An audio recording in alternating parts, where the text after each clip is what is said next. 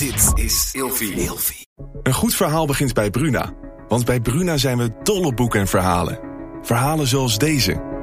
De slagen van de noodklok dreunen over het dorp. Zwaar en dreigend. Ze overstemmen de gemoedelijke drukte op de markt. En alle handelingen vallen stil. Wat zou er aan de hand zijn? vraagt Oda ongerust. Wil jij weten hoe dit afloopt? Je leest het in Bloedlijn van Simone van der Vlucht. Nu bij Bruna.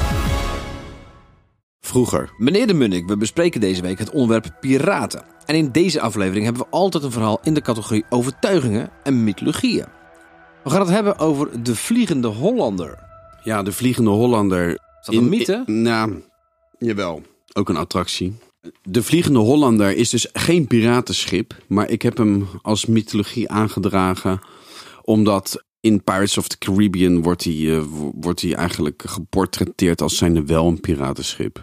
Ehm, het verhaal van de Vliegende Hollander is dat er een Nederlandse kapitein... en ze denken Willem van der Dekken besluit om eh, rond eh, Paaszondag, dat is een christelijke feestdag, je mag dan eigenlijk niet werken, je mag niet uitvaren, toch uit te varen en koers te zetten naar Oost-Indië. Hij schijnt dat in een soort van recordtijd te doen. En hij roept daarbij, omdat zijn stuurman niet mee wil gaan, die gooit, hij gooit zijn stuurman overboord en roept daarbij: God of de duivel, de kaap vaar ik om, al moet ik varen tot het laatste oordeel. Nou ja, wat is het verhaal? Eh, de kapitein wordt onmiddellijk gestraft. Het schip moet eeuwig blijven rondvaren op zee. Andere schippers die dat spookschip, de Vliegende Hollander, tegenkomen, die ontmoeten daarna vaak ook zelf het, noodlot. Ze lopen averij op, ze lijden schipbreuk, krijgen een ongeluk of gaan een wisse dood tegemoet.